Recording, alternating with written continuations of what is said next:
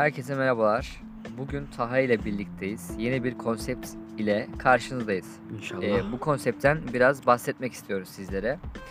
Ee, biliyorsunuz ki bizim Gezerek e, Podcast adlı e, bir konseptimiz vardı. Şimdi Gezerek Spor adlı bir içerik üretmeye başlıyoruz. evet. Ve inşallah. bu e, konsepte Taha'yla e, sohbet soru- edeceğiz biz Arda ile sohbet, birlikte. spor sohbetleri. Aynen tamamen spor üzerine kurulu.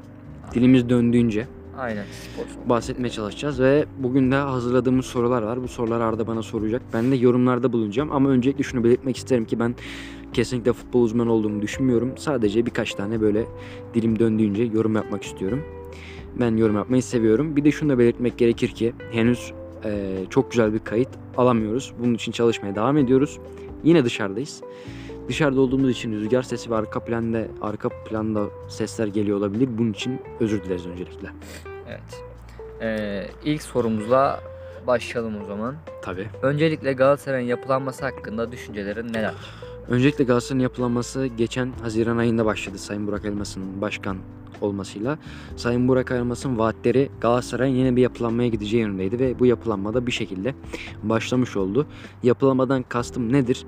Öncelikle Galatasaray'ın gençleşeceğini söyledi ve maaşların azaltacağını söyledi. Maaş yükünün azaltılacağını söyledi Sayın Burak Elmas ve bunda da başarılı oldu.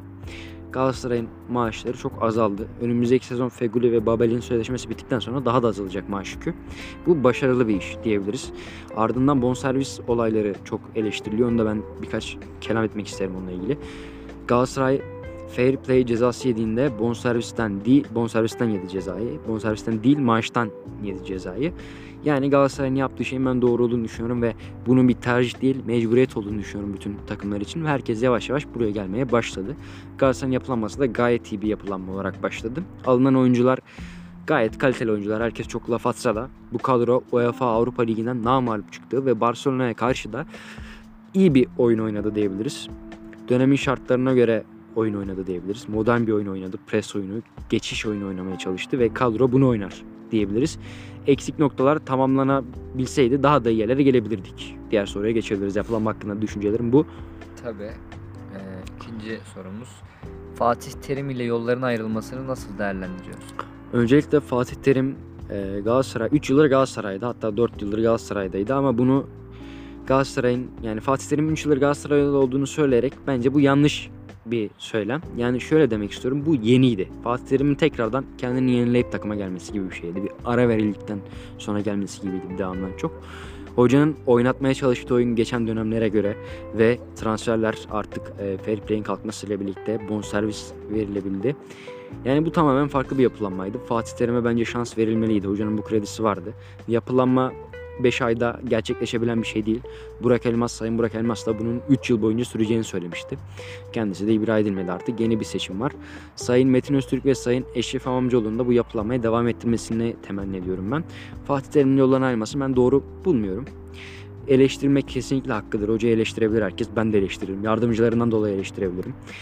Ee, ön üçlüyü çok bozmasından ötürü eleştirebilirim. Forveti çok bozmasından dolayı eleştirebilirim. Yani sürekli başka bir forvetin oynaması, bir karar kılınamaması gibi. Ama Fatih Terim'e devam edilmesi gerektiğini düşünüyordum ben. O zaman Diğer, Diğer soruya geçebiliriz. Sayın Teknik Direktör Torrent ile ilgili görüşlerin neler? Öncelikle Sayın Dominik Torrent'in ben iyi bir futbol adamı olduğunu düşünüyorum. Yani kariyerine baktığımızda çok iyi takımlarda çalışmış. Pep Guardiola'nın yıllarca yardımcılığını yapmış. Bu bir etiketi. Dominik Torrent'in ama ben Galatasaray'a bir teknik direktör olarak Dominik Torrent'i seçmek istemezdim açıkçası. Çünkü Dominik Torrent'in oynatmak istediği oyunla Galatasaray'ın kadro yapısı kesinlikle ben uyduğunu düşün- düşünmüyorum. Yani eğer aklındaki oyun yapısı pozisyon futbolu ise, pozisyon oyunu ise uymuyor. Ve pozisyon oyunu çok kaliteli oyuncularla oynanır. Çok pahalı oyuncularla oynanır ve pahalı bir oyundur. Bu oyunu oynamak için Dominik Torrent'e tekrardan bir kadro kurmamız gerekiyor. Herkes Dominik Torrent'in kalması gerektiğini, yeni bir kadroyla görülmesi gerektiğini söylüyor. Ben de onlara şunu sormak istiyorum. Bankalar Birliği anlaşması var. Bir sürü borç ödemesi var. Bu ödemelerle ilgili Galatasaray tekrardan sıfırdan bir kadro kurabilir mi? Kuramaz. Elindeki kadro bu. Birkaç tane ucuz yollu istenilen fırsat transferi yaparak yoluna devam edeceksin. Pragmatist olmak zorundasın. Yani Dominic Torrent'in ben Galatasaray'a gelmesini yanlış buluyorum. Onun yerine yerli bir isim gelseydi ligi daha iyi götürebilirdik diye düşünüyorum. Pragmatist bir isim. Ama Torrent tabii ki de iyi bir insandır, iyi bir teknik direktör. Onları onu eleştirmek, ona karşı kötü şeyler söylemek benim hakkım değil. Anladım. O zaman diğer sorumuza geçelim. Önümüzdeki sezonlarda ne bekliyorsun Galatasaray'dan? Galatasaray'dan daha demin bahsettiğim gibi Sayın Metin Öztürk ve Sayın Eşref Hamamcıoğlu'nun bu yapılanmayı devam ettirmesi gerektiğini düşünüyorum. Bonservis gerekirse ödenir ama bonservis ödeyecek durumda da olduğunu düşünmüyorum ben Galatasaray'ın. Ama az maaş skalasıyla, maaş skalası oluşturarak devam edilmesi gerektiğini düşünüyorum yola. Teknik direktör tercihlerin ise buna ben bir yorum yapamayacağım. Mesela Metin Öztürk, Sayın Metin Öztürk Okan Buruk ile çalışacağını söyledi. Bugün Okan Buruk ile kendi ekibinin görüşmeleri ortaya çıktı. Fotoğraflar ortaya çıktı. Kendisi de bunu doğruladı. Ben Okan Buruk isminin Galatasaray faydalı olabileceğini düşünüyorum. Diğer taraftan Sayın Eşref Hamamcıoğlu'nun da yabancı teknik direktör isteği olduğu söyleniyor. Rudi Garcia ismini gördüm. Ben Rudi Garcia'yı bildiğim kadarıyla Galatasaray'ı isteyebilirim. Ama dediğim gibi hep sabredilmesi gerekiyor bunlar. Okan Buruk'la daha pragmatist bir anlayışla daha hızlı başarı bekleyebilirsiniz. Ama Rudi Garcia da geçin- kesinlikle kaliteli bir isim. Bu yapılanmanın ben devam etmesi gerektiğini düşünüyorum. Anladım. O zaman bir diğer sorumuzla devam edelim. Fenerbahçe'nin yükselen performansı hakkında neler düşünüyorsun? Öncelikle Fenerbahçe de Galatasaray gibi yeni sezona bir yapılanma olarak girdi. Bu yapılanmada Fenerbahçe'nin Galatasaray dışında çok fazlalığı oldu. Fazlalık derken bir şişkinlik oldu. Kadro şişkin olduğunu düşünüyorum ben. Mesela bir sürü orta saha var. Ama bu orta saha varken bek yok. Ee, Vitor Pereira'nın Osayi ve Ferdi'den bek performansı alması, onları bek rolüne devşirmesi ve o rolü onlara kabul ettirmesi gerçekten çok büyük bir iş. Ama yine de ben bir bek ihtiyacı olduğunu düşünüyorum öncelikle. En azından sol bek transferi gerektiğini düşünüyorum Fenerbahçe'ye. Ardından Vitor Pereira başarısız oldu denildi. Vitor Pereira'ya yapılan şeyler de var. Hani medyanın çok büyük bir baskısı vardı. İsmail Kartal görev geldi ve İsmail Kartal'ın ben gerçekten çok başarılı olduğunu düşünüyorum. Okan Buruk da daha demin ver, örnek verdiğim gibi pragmatist bir anlayışla devam etti. Ve bu pragmatist anlayış sayesinde çok çok yüksek bir performans gösterdi. Burada İsmail Kartal'ı tebrik etmek gerekiyor.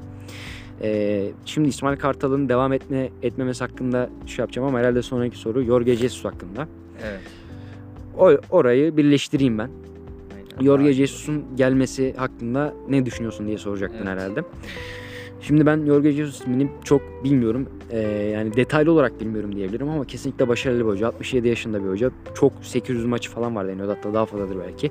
Her türlü formasyonu ve her türlü oyunu oynatmış. Yani ne söylesem yanlış olur. Desem ki ben Fenerbahçe'de başarılı olur ve başarısız olur. Ben bunu seçemem.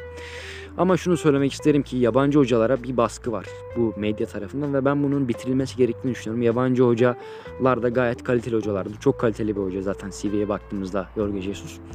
Ee, istediği maliyetlere baktığımızda tabii ki bu maliyetlerin kesin olup olmadığını bilmemekle beraber çok bir maliyet olduğunu düşünüyorum yani. Bilemiyorum. Şimdi Ali Koç çok Sayın Ali Koç çok büyük bir tereddütte olabilir belki. Çünkü İsmail Kartal'ı gönderip başarısız olsa diyecekler ki İsmail Kartal'ı niye gönderdim? Başarısız olduk. İsmail Kartal kalsa ve Fenerbahçe başarısız olsa diyecek ki İsmail Kartal'ı göndermeliydin. Çok A sınıf bir isim getirmeliydin. Yani bilemiyorum.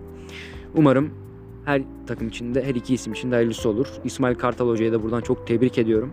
Jorge Jesus eğer gelmişse de ona başarılar diliyorum. Bu arada ismi yanlış telaffuz etmiş olabilirim. Özür diliyorum. O zaman diğer sorumuza geçelim. Tabii. Önümüzdeki sezon Fenerbahçe'den ne bekliyorsun? İşte Fenerbahçe'den de öncelikle bir orta sahadaki eee, bu şişkinliği azaltmasını bekliyorum. Yüksek maaş verilen oyuncuların gönderilmesini bekliyorum. Bek transferleri bekliyorum ve artık İsmail Kartal'ın veya Jorge Jesus'un hangi tarzda oyun istiyorsa onlara göre transfer yapılması gerektiğini düşünüyorum ben. Kesinlikle Jorge Jesus ismi çok transfer isteyecektir. Bunu da düşünüyorum yani. Çünkü kaliteli oyun kaliteli oyuncularla oynanır. Bu da var. Yani ben bu yani her iki takımda Galatasaray'ın da Fenerbahçe'nin de yapılanmasının devam etmesi gerektiğini düşünüyorum. Diğer soru da şu an ben bakıyorum. Valerian İsmail ile ilgili olmak zorunda herhalde. Aklıma o geldi. Evet. Doğru mu? Düşüncelerin neler aynen? Valerian İsmail ismine de çok hakim değiliz yani. Biraz araştırdığım kadarıyla. Topla oynamayı çok sevmeyen, pres oyunu oynatmayı seven bir isim ve her gittiği takımda üçlü savunma oynattığını kendi söylüyor. Şimdi ben Beşiktaş'ın kadrosunun üçlü savunmaya yatkın mı değil mi olduğunu tam kestiremiyorum açıkçası. Beklere baktığımda kesinlikle ama kesinlikle bekler çok uygun. Ama ön üçlüye baktığımızda bilemiyorum yani. Gezal çok kaliteli bir oyuncu ama sol önde mesela kim oynayacak? Yerli kuralı ile birlikte. Onu da kestiremiyorum. Batshuayi performansı çok gömülüyor. Mesela diyor çok gol kaçırdı falan. Ama bence Batshuayi çok iyi forvet. Ee, bir forvet çok gol kaçırıyorsa bu şu da demektir aslında. Bir yandan olumlama yapmaya da gerek var. çok gol pozisyonuna girdiği için çok gol kaçırıyor demektir yani. Ben Valerian İsmail'in Beşiktaş'ta başarılı olup olamayacağını kestiremiyorum. Ama zevkli bir oyun oynatabileceğini düşünüyorum. İstediği eklemeler yapılırsa. Ama yine aynı sonuca geliyoruz. Bu Türk takımları her teknik direktöre bir kadro kurabilir mi? Her istediği eklemeyi yapabilir mi? Bu da bir önemli nokta benim için. Diğer soruya geçebiliriz istiyorsan Tabii. Arda'cığım. Beşiktaş'ın yapılanması ile ilgili ne, neler düşünüyorsun? Öncelikle Beşiktaş'ın yapılaması hakkındaki düşüncelerim çok şey değil yani. Sayın Ceyhun Kazancı'nın ben bir şeyler yapmaya çalıştığını anlıyorum ve iyi işler başardığını da görebiliyorum aslında. Öyle de söyleyebilirim. Ama anlamsız bir yapılanma var gibi. Rıdvan Yılmaz'ın satılacağı söyleniyor mesela. Elde bir Rıdvan Yılmaz varken, Türk bir bek varken sol bek yani Türk sol bekler çok nadir yetişiyor aslında baktığımızda. Ve satılmasını yanlış buluyorum. Bence sözleşme yenilenip devam edilebilir ve kalede de Türk bir oyuncunun olması gerektiğini düşünüyorum. Yani yapılanmanın bir şekilde iyi geçeceğini düşünüyorum. Artık şu yapılanma mevzusuna, şu noktaya değinmek istiyorum. Hep dediğim gibi bu yapılanma bir tercih değil, mecburiyet artık. Ve bu yapılanmayı iyi geçiren takım şampiyonluğa ve başarıya koşabilir. Türkiye Ligi sadece bir başarı kıstası olmamalı artık. Çünkü ya bu ligde şampiyon olduğunuzda yayın geliri düştü, şeyi düştü, osu düştü, busu düştü. Her şey düşüyor bu ligin.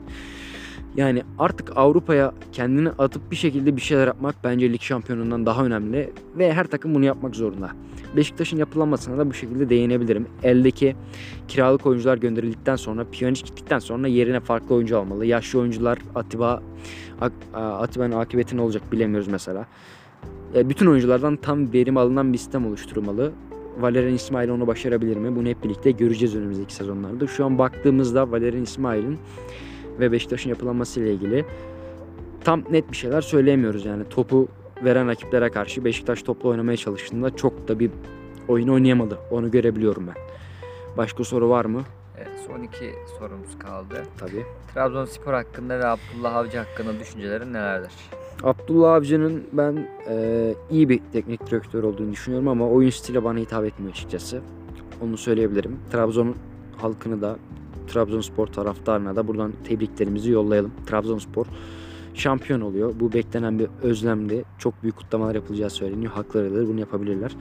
Trabzonspor'un kadro yapılanması bu sezon çok iyiydi. Gerçekten çok çok iyiydi. Transferleri en erken bitiren takım. Hocasının istediği oyuncuları alan en erken takım. Benim Trabzonspor'u eleştirmek istediğim bir konu var. Bazıları diyecekler hatta belki bu konuda ben de eleştirilebilirim. Eleştirebilirsiniz sıkıntı yok. Çok transfer yaptılar. Yani çok transferden kastım şu. Türk olarak potansiyel oyuncuların hepsini toplamaya çalıştılar. Bence bu yanlış bir hareket. Hepsini oynatamayacaksın. Ama bilmiyorum yani çok kaliteli oyunculara sahipler. Kaliteli ayaklara sahipler. Ligi bir şekilde götürdüler. Seneye Şampiyonlar Ligi veya hangi Şampiyonlar Ligi'ne gidecekler herhalde. Şampiyonlar Ligi, Türkiye Li- Süper Kupası, Süper Ligi'nde bütün kulvarlarda Abdullah Avcı'nın nasıl bir performans sergileyeceğini göreceğiz. Şu an tam kestirme yorum yapamıyorum. Artık her hafta bölüm yaptığımızda bunlara da değinebilirim. Başka soru varsa alayım. Son sorumuza geldik. Trabzon'un yapılanması hakkında düşüncelerin Aslında neler? daha demin buna değinmiş oldum. Trabzonspor'un yapılanmasının artık ben çok kaldığını düşünmüyorum. Yaşlı ve elden çıkarılmak istenen bir oyuncu varsa bunların çıkarılıp yerine daha da dinamik genç oyuncularla doldurulması gerektiğini düşünüyorum. Abdullah Avcı Hoca'nın sistemine uyan topçuların transfer edilmesini destekliyorum. Bunun devam edilmesi gerektiğini düşünüyorum. Sayın Trabzonspor Başkanı çok büyük bir iş sergiledi. Onu tebrik etmek gerekiyor. Başarıları daim olsun. Başarıları için onları tebrik ediyorum. Sanırım bütün sorular bitti. Evet. Şimdi biz her hafta veya bir süreç içerisinde elimizden geldiğince yorumlar yapacağız. Son 3 hafta e, ikimizin de okulu yavaş yavaş bitecek. Okulumuz bittikten sonra da daha da yazın bomba gibi geleceğiz. E, Altın Pas bir hesabımız var. Altın Pas hesabını Instagram üzerinden takip ederseniz çok seviniriz. E, iyi yerlere giden bir hesabımız var. Reels olarak Aynen. devam ediyoruz. Kendi yazmak istediğim bir blog sitesi var. Onu da linklerini her şeyini paylaşacağım. Okursanız sevinirim. Her hafta bunları yazacağız. Çok yüzeysel yorumlar yaptık. Tam ayrıntıya giremedik. Şimdilik bir sizlere nasıl iş yapacağımıza dair bilgi versin diye bu podcast yaptık. Ee, umarım beğenirsiniz. Umarım dinlersiniz. İlk dinlemelere göre iyiydi yani. İlk dinlemelerimiz iyiydi. Yurt dışında dinleyen bile çıkmış. Evet.